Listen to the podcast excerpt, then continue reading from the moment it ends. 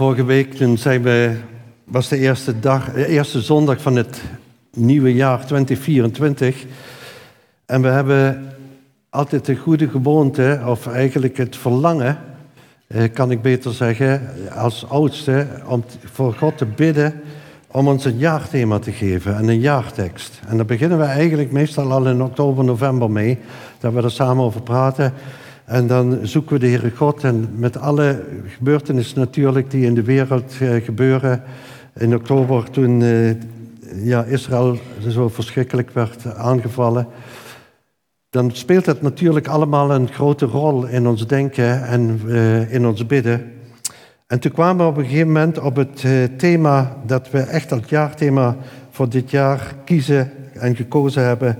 Samenleven in de verwachting van de komst van Jezus samenleven in de verwachting van de komst van Jezus. Met als jaartekst Johannes 14, vers 3, waar de Heer Jezus tegen de, eh, zijn apostelen zegt, tegen de discipelen zegt, als ik heen gegaan ben en plaats voor u gereed gemaakt heb, kom ik terug en zal u tot mij nemen, opdat, u ook, opdat ook u zult zijn waar ik ben.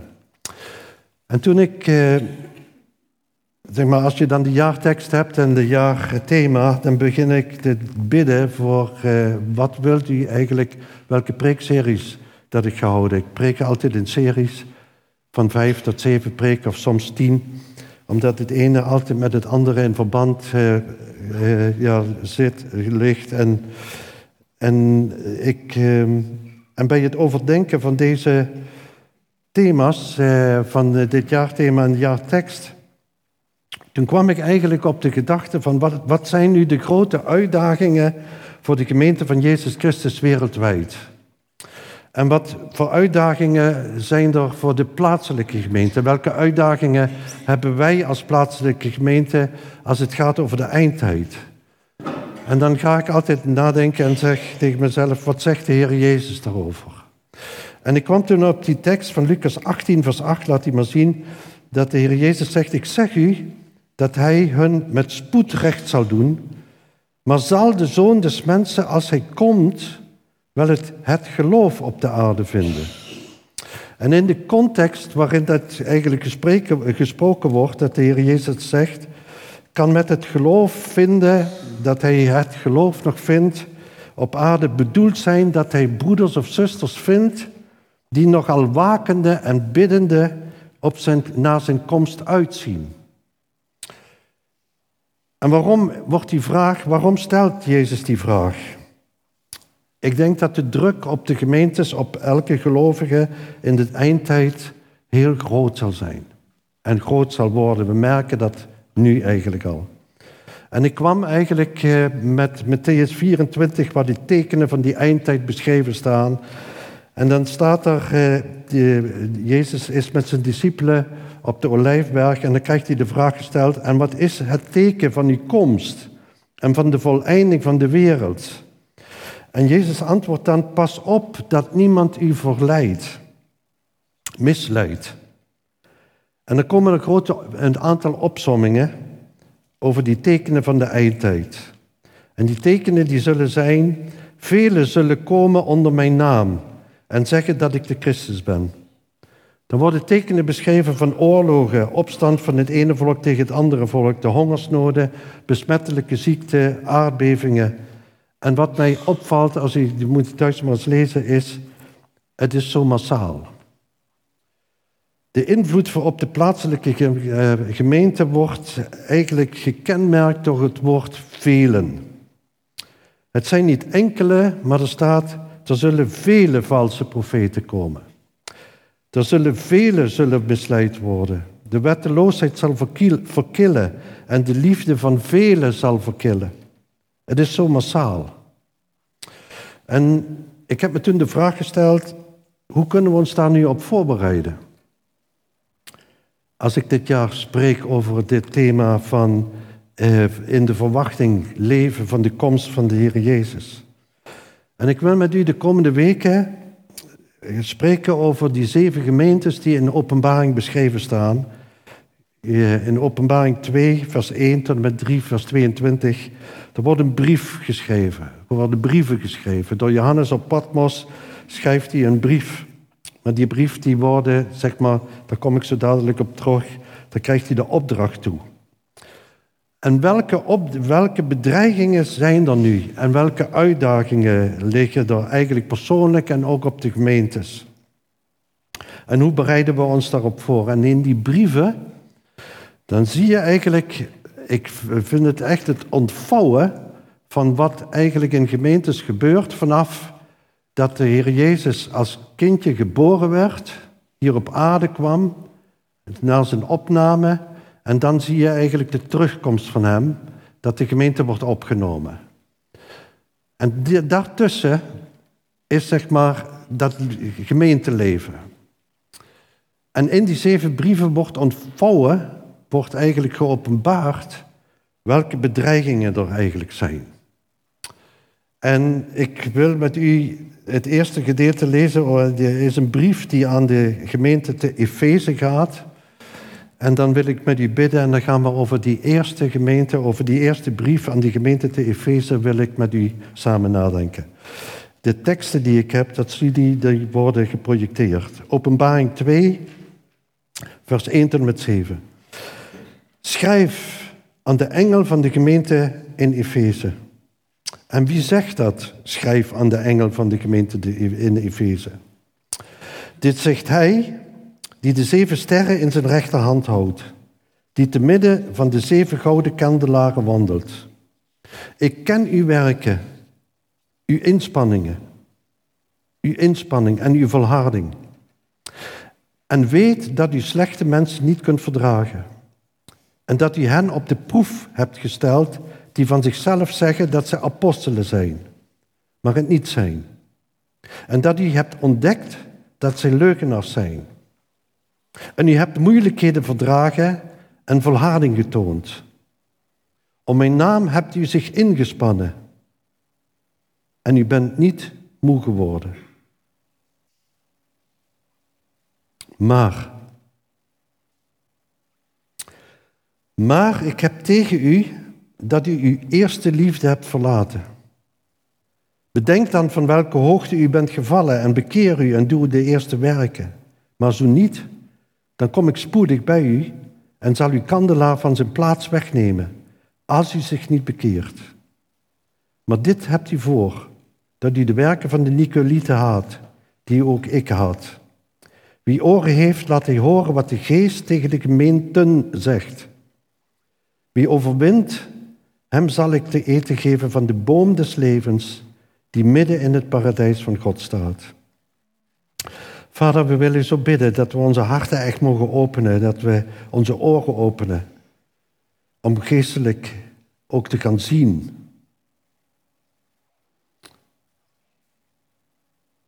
Heer, ik bid zo dat we niet zo hoogmoedig zijn dat we zeggen, ik heb de eerste liefde niet verlaten. Maar dat we echt luisteren wat de gevaren zijn. Deze gemeente waar ik zoveel diep onder de indruk was. Hoe die gemeente ontstaan is, hoe die gemeente geboren werd. Met wat voor een passie.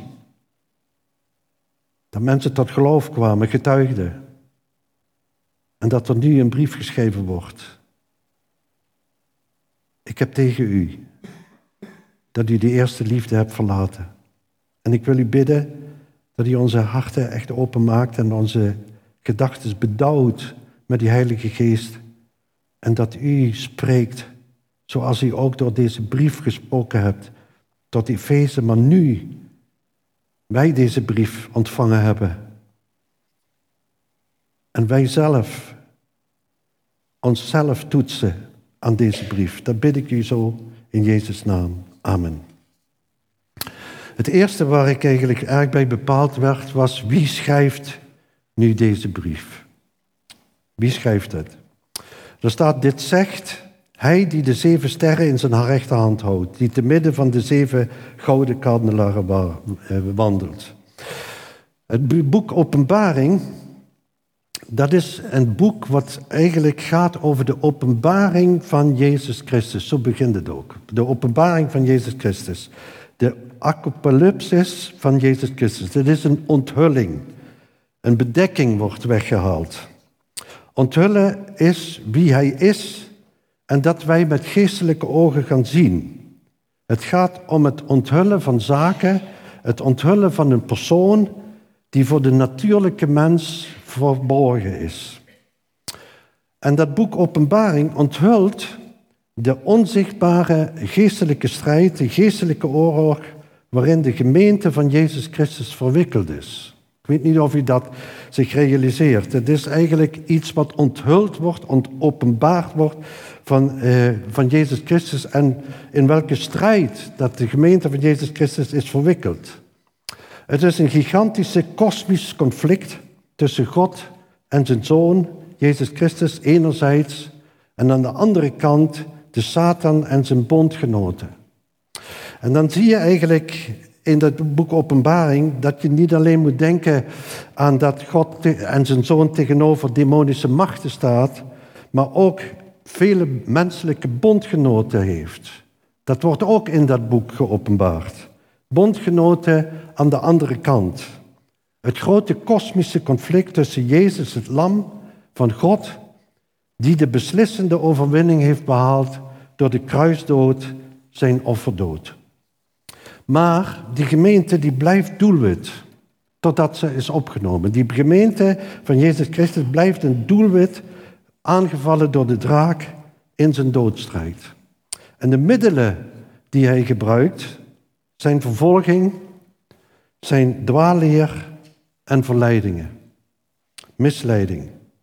Verleidingen die liggen in de welvaart, in het meegaan in de cultuur waarin we leven en de visioenen die, die Johannes gekregen heeft, waarschuwen de gemeente om stand te houden. Om stand te houden in het lijden, stand te houden in de vervolging en zuiver te blijven en je niet te verontreinigen. Het geeft ook een beeld waar de gemeente van Jezus Christus gedurende die periode, zoals ik al zei, tussen die eerste komst, zijn geboorte hier op aarde, en zijn tweede komst, de, waarin eigenlijk die overwinning gevierd wordt in een nieuwe hemel en een nieuwe aarde gevestigd zal worden. En deze openbaring, die, is, die brieven zijn gericht in eerste instantie aan die eerste eeuwse gemeente van zeven steden. Ze worden allemaal aangeschreven en zijn ook, en dat is eigenlijk de belangrijkste dat u dat zo ziet, het is ook als vertegenwoordigers van alle gemeenten. Want er wordt in uh, eh, 2 vers 23 wordt gesproken over gemeenten in meervoud. En 2 vers 7 zegt ook gemeenten. En dat is dus belangrijk dat je dus niet alleen zegt van dat is voor die tijd. Natuurlijk is het in eerste instantie voor die tijd en voor die gemeente. Maar het is een brief die ook aan ons geschreven is. En we zullen zien dat deze gemeenten bedreigd werden, die gemeentes die daar aangeschreven werden, die werden bedreigd door dwaalleer en vervolging om mee te gaan in afgoderij, in immoraliteit en meer gesleurd te worden in het heidendom, waardoor ze eh, zeg maar omringd werden en bedreigd door uiteindelijk in Laodicea, dat is die laatste zevende gemeente, door lauwheid. En Jezus gaf deze openbaring om zijn gemeentes te versterken, om inzicht te geven in de listen, in het geweld, in de misleiding en om dat te doorzien en te weerstaan. Om die bedwelmende welvaart die ook beschreven staat, om die te verstaan. En nu is steeds de vraag, wie zegt dit? Wie is die die dat zegt? Ik citeer uit die brieven. Dit zegt hij die de zeven sterren in zijn rechterhand houdt, die te midden van de zeven gouden kandelaren wandelt. Dit zegt hij, de eerste en de laatste, die dood is geweest en wel levend is geworden. Dit is, zegt hij, die het tweesnijdende scherpe zwaard heeft. Dit zegt de Zoon van God, die ogen heeft als een vuurvlam en voeten als een blinkend koper. Dit zegt hij die de zeven geesten van God heeft en de zeven sterren. Dit zegt de heilige, de waarachtige, die de sleutel van David heeft, die opent en niemand sluit, en hij sluit en niemand opent. Dit zegt de Amen, de getrouwe en de waarachtige getuige, het begin van Gods schepping. Zo beginnen die brieven. Openbaring beschrijft een zeer indrukwekkende persoon. Terwijl Johannes drie jaar lang met de Heer Jezus is opgetrokken, valt hij als dood voor zijn voeten neer als hij deze indrukwekkende persoon ontmoet. Wat gebeurt er eigenlijk met hem? Weet je, ik weet niet als u over Jezus nadenkt, wat u dan in gedachten krijgt. We denken meestal in termen dat Jezus mens is. Zodat hij hier, zoals hij hier op lichaam, eh, zeg maar hier een lichaam heeft ontvangen en op de aarde gewandeld heeft. Dat, dat de mens Jezus gelijkgesteld is aan de Heere God, dat geloven we. Maar toch in die menselijke beperkingen die we hebben gezien in de Bijbel, dat hij dorst heeft, zwak is, dorst en ziekte kent en dood. De mens die onder ons was, was een demonstratie van volmaakte menselijkheid. Die goddelijkheid, zijn goddelijkheid was bedekt. Ik moet zo denken toen ik aan deze passage was van Miel, wat heb je voor gedachten over de Heer Jezus? Dan ga ik terug naar mijn jeugd. Ik kom uit een Rooms-Katholiek gezin. En elk Rooms-Katholiek gezin had een prachtige foto of een schilderij. Met Jezus. Ik denk dat hij op de Olijfberg zat. Met zo'n aureooltje. En het was een lieve man. Echt een lieve man, daar had je niks van te duchten. Kinderen konden naar hem toe gaan. Je had daar eigenlijk niks van te duchten. En als je dan over hem als volwassene nadacht, dan ging je ook natuurlijk naar het kindje Jezus. Als we het hebben over Jezus, hebben we het over het kindje Jezus. En dat is daadwerkelijk ook een hele bijzondere kant van die genadevolle, bemachtige mens die goed doet en die mensen geneest en die, het, die iets laat zien van het evangelie. Hebreeën 10 vers 5 zegt dat hij een lichaam heeft gekregen. Daarom zegt hij bij zijn komst in de wereld, slachtoffer en graanoffer hebt u niet gewild, maar u hebt voor mij een lichaam gereed gemaakt. Die goddelijke majesteit, die heerlijkheid, was voor de mens niet toegankelijk. Als Mozes vraagt om Gods heerlijkheid te mogen zien, dan krijgt hij als antwoord in Exodus 33, vers 20. Hij zei verder, u zou mijn aangezicht niet kunnen zien, want geen mens kan mij zien en in leven blijven. Als je met de heerlijkheid van God in aanraking komt, met zijn majesteit en met zijn glorie, en, we zouden, en het zou niet bedekt zijn, zou elk mens sterven. En we moeten niet die grote vergissing maken om Jezus alleen als mens te naderen. Soms dan spreken we over Hem en zoeken we gemeenschap. En als je dan alleen als, als mens over Hem nadenkt, dan, dan, dan ontneem je Hem eigenlijk in onze gedachten die brandende heiligheid, die ontoegankelijke majesteit. Dat zijn eigenschappen die bedekt waren en verborgen waren gebleven doordat hij een lichaam had. Maar die glorie en die heerlijkheid en die brandende heiligheid en die majesteit, dat wordt nu net onthuld in openbaring, in het boek Openbaring. Dat we daarin echt zeer gezien dat hij ogen heeft als een vuurvlam. Dat hij uit zijn mond een tweesnijdend zwaard. Er wordt een glorie beschreven, er wordt een, een, een persoon beschreven met zijn heerlijkheid en zijn glorie van de tweede uit de drie enige God. Het is God die mens is geworden. Maar met zijn hemelvaart en als hij dan zit aan de rechterhand, is hij God. Hij is mens en God. En dat beeld wat je hebt van Jezus is heel erg bepalend. Dat is ontzettend bepalend voor je leven. Als je hem eigenlijk alleen maar ontmoet hebt als de mens die is opgestaan uit de dood, dan mis je de essentie. Hij is mens en heeft de dood overwonnen.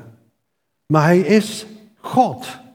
En zijn heerlijkheid wordt getoond in het boek Openbaring. En als Johannes dan drie, drie jaar met hem gewandeld heeft, hem gekend heeft, met hem gegeten heeft, hij heeft de wonderen gezien, hij heeft ook zijn verheerlijking gezien op de berg. Maar als hij dan op Patmos is, hoofdstuk 1, en hij draait zich om en dan ziet hij iemand tussen de zeven kandelaren. En dan valt hij voor dood neer. Omdat hij geconfronteerd wordt met die indrukwekkende majesteit. Met die heerlijkheid en, dat, uh, en die, dat, het God zijn van Jezus. En ik zei al, het beeld wat je hebt van Jezus is alles bepalend. En als je dat geen goed, goed, goed beeld hebt, dan zul je echt zien dat uh, dan wordt het je vertaal. Als het Jezus is, dat hij een beeld is van een goedaardige man die vriendelijk is, waarvan je niks te duchten hebt en waar je mee kunt discussiëren over wat nu wel goed is voor jou en wat niet. En dat je gehoorzaam bent en je kunt kiezen. Je kunt kiezen wat je, uit, wat, wat, wat, eh, wat je uitkomt. Dat je daarin gehoorzaam bent en wat je eigenlijk niet zo goed begrijpt, dan ga je eigen, eigen weg. En dat beeld wat de openbaring schetst, geeft geen ruimte daarvoor. Dat geeft geen ruimte daarvoor. Die heerlijkheid van God, die majesteit van de Heer Jezus, die eerlijkheid wat het zo beschreven wordt, dat geeft geen ruimte om te discussiëren.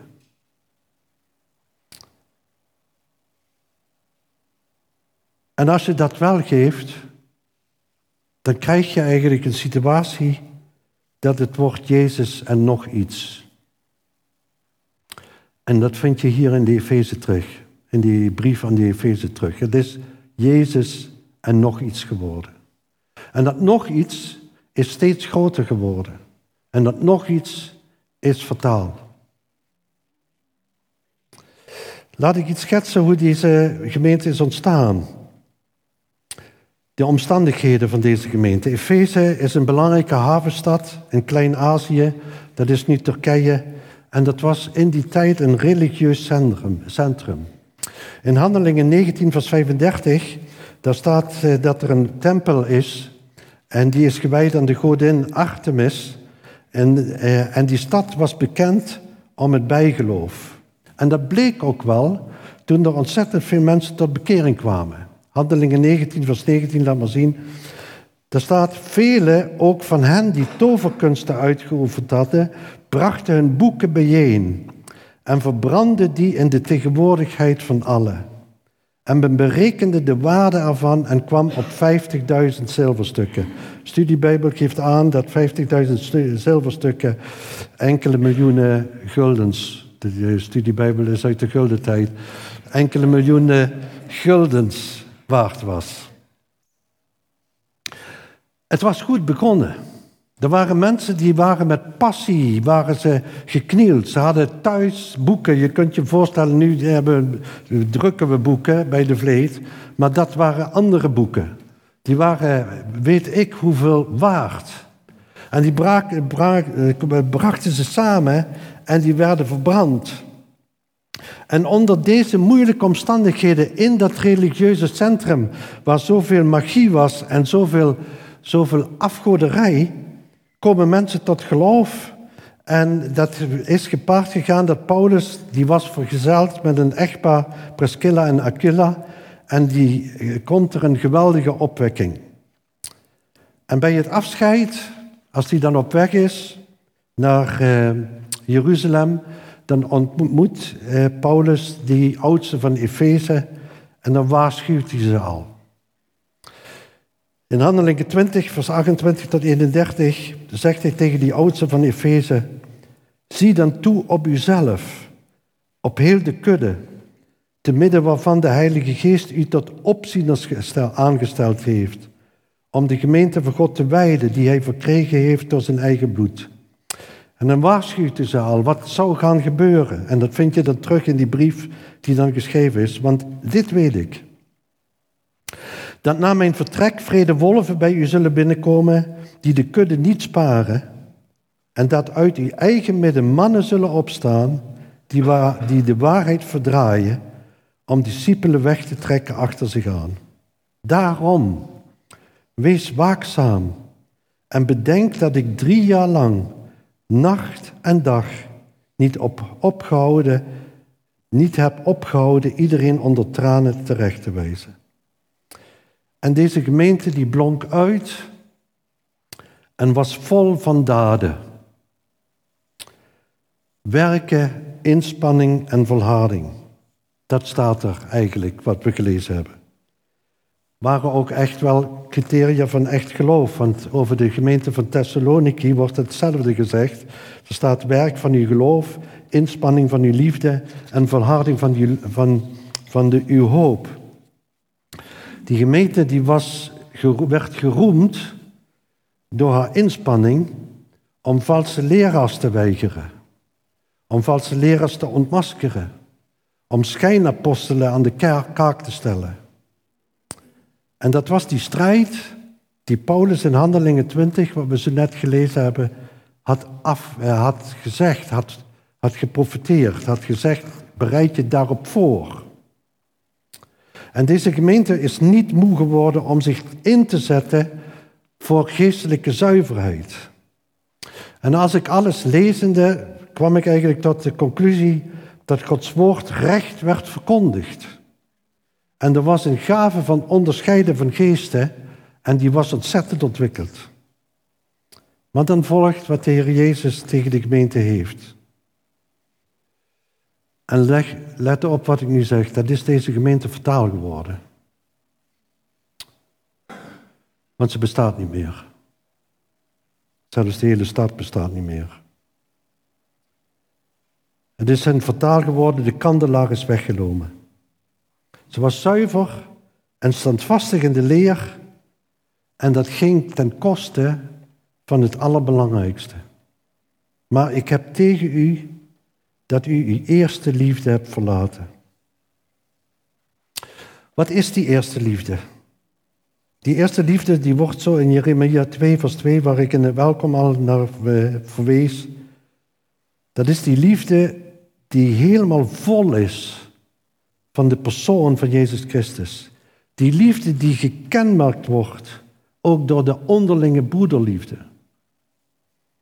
Gebrek aan liefde voor de Heer Jezus heeft direct gevolg aan gebrek aan onderlinge liefde en dat ondermijnt het fundament van het gemeenteleven.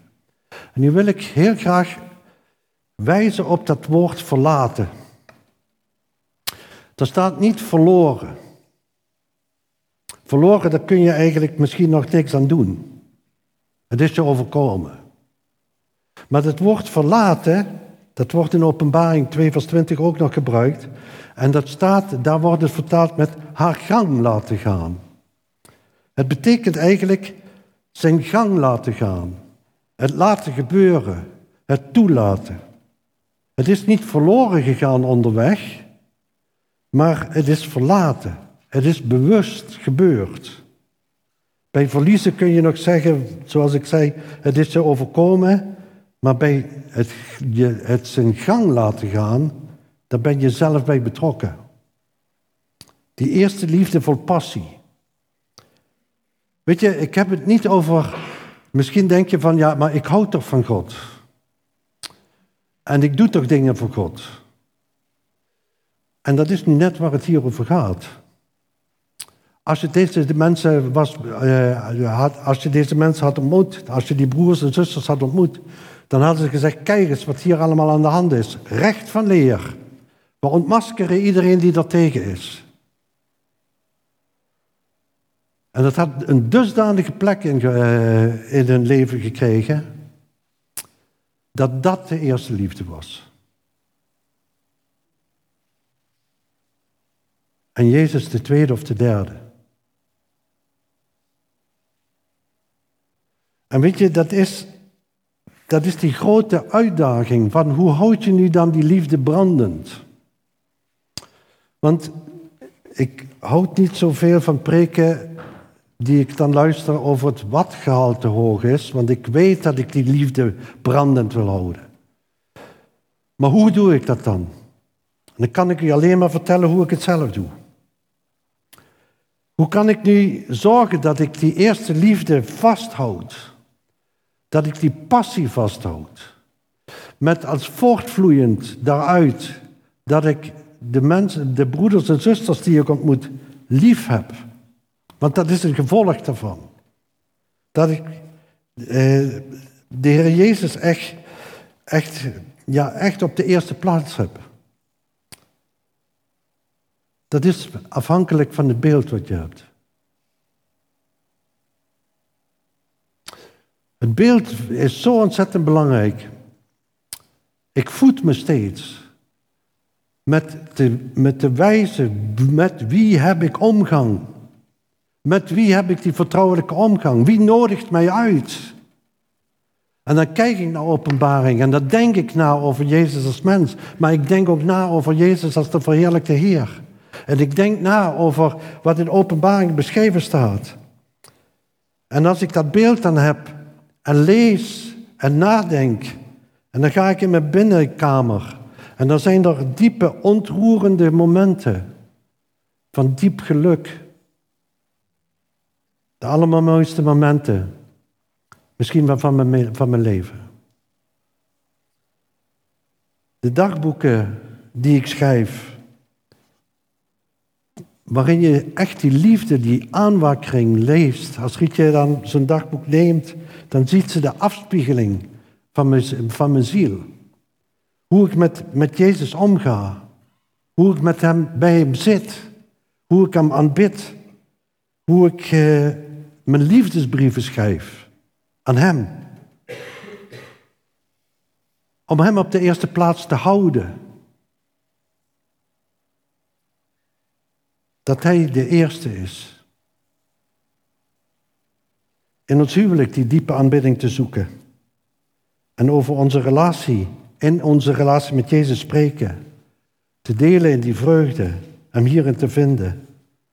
Om je met echtbare of met broeders en zusters te omringen.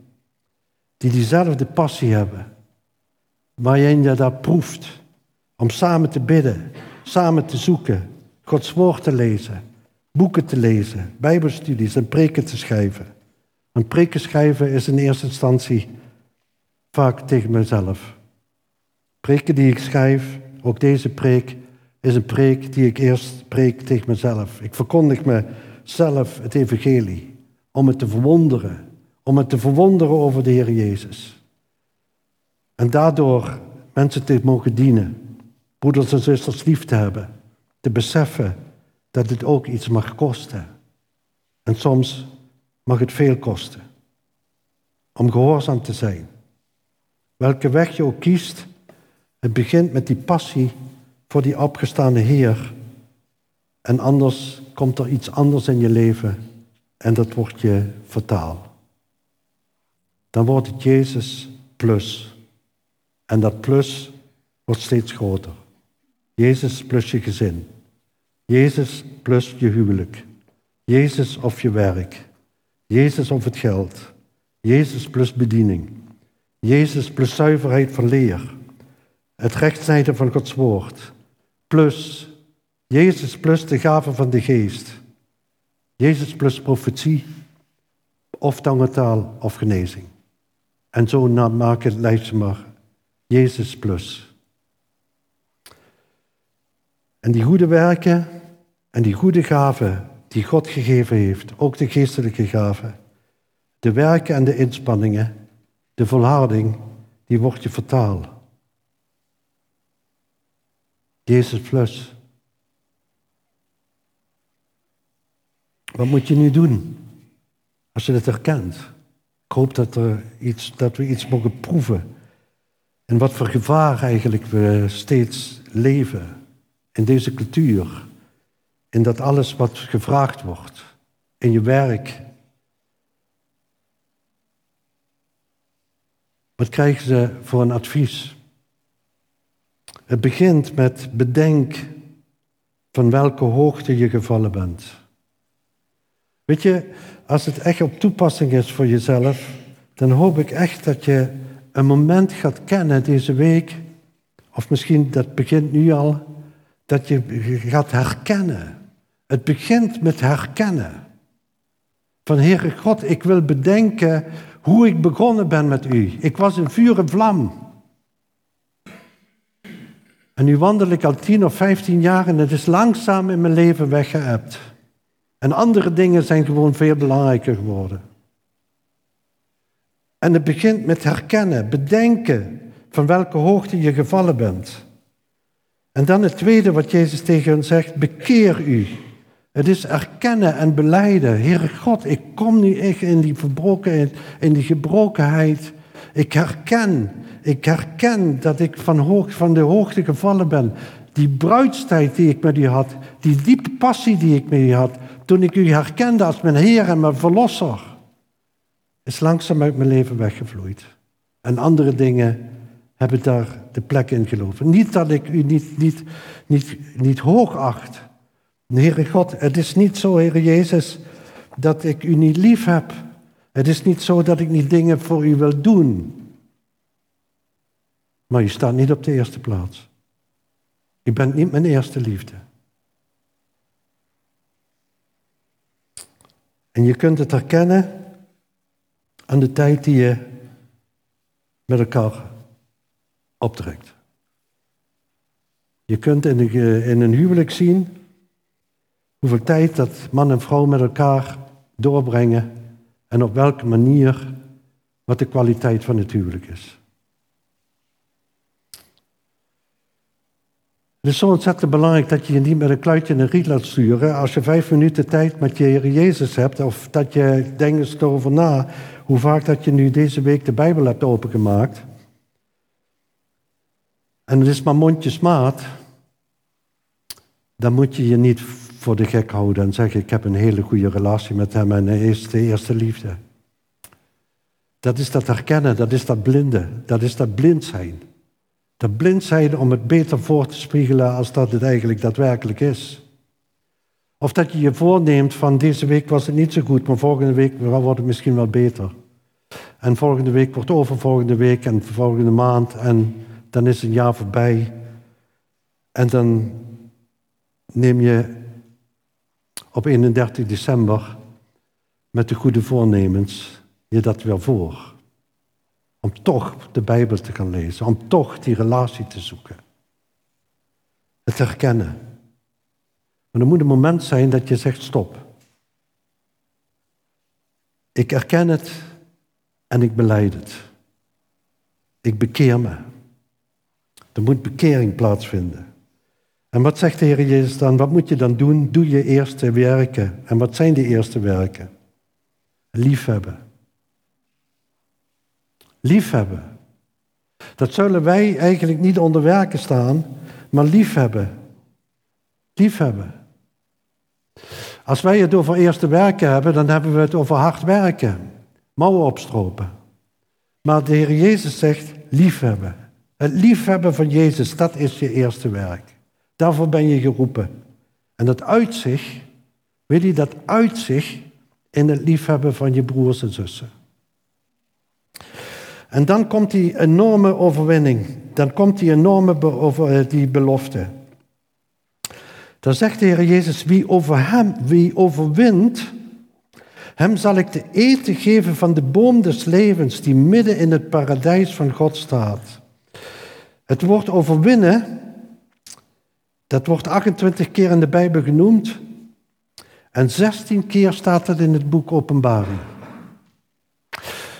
En ik heb dat woord eens opgezocht, want als ik het heb over overwinnen, omdat ik zeg maar in, in mijn jonge jaren heb ik veel gevoetbald, dan heb ik het, als ik het heb over overwinning, dan heb ik het vaak in verbinding met sport, met sportactiviteiten.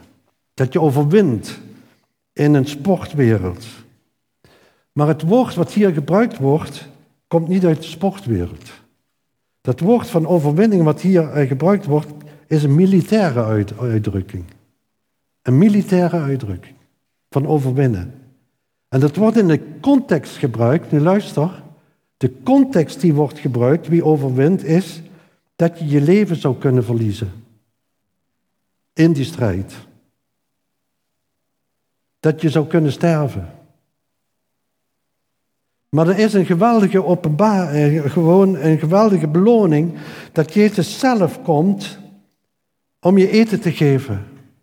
Hij komt zelf. Hij laat het niet aan de engelen over. Hij komt zelf om je van die boom des levens die midden in het paradijs staat te eten geven. Dat is de diepe zegen. En ik wil heel graag met u even een moment van stilte voordat we samen avondmaal gaan vieren. Ik zou het muziekteam al willen vragen om naar voren te komen. Ik wil even een moment kennen van, van, van, van stilte. Ik hoop echt dat het woord niet geroofd wordt. Maar dat hij echt in die stilte komt en jezelf beproeft. En denkt, Heere God, van welke hoogte ben ik van welke hoogte gevallen? Hoe is het in mijn leven? Heb ik de eerste liefde ingeruild voor iets anders?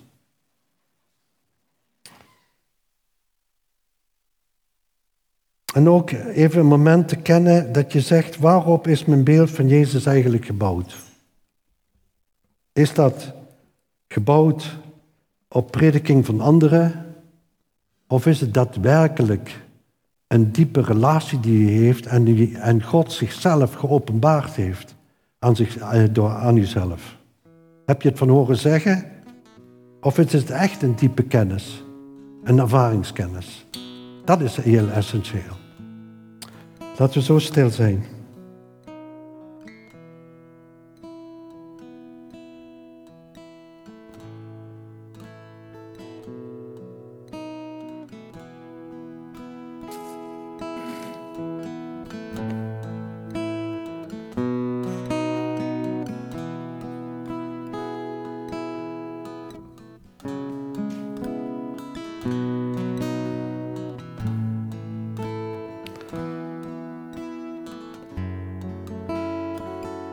Vader, het is zo'n voorrecht dat u ons uitnodigt. Ook weer ook bij het avondmaal. U nodigt ons uit om die diepe gemeenschap met u te ervaren en van daaruit te leven.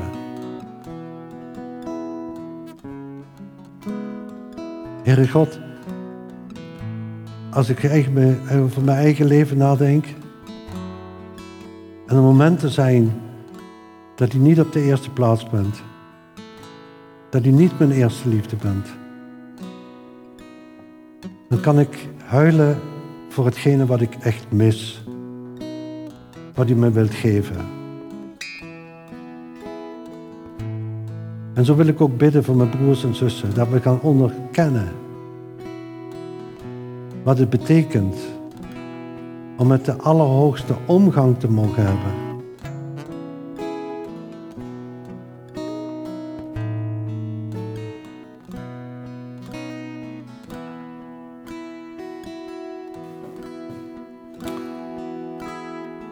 Ja, dat we dat ervaren in onze ziel, wat we missen. En ik bid zo ook voor degene die dat niet kent dat hij daar een diep verlangen naar heeft. Een dorst. Een honger. Een diepe dorst. Want u nodigt er ons uit. En we prijzen u en danken u daarvoor. Zo willen we ook samen het avondmaal vieren. U dood te gedenken en u zo aanbidden.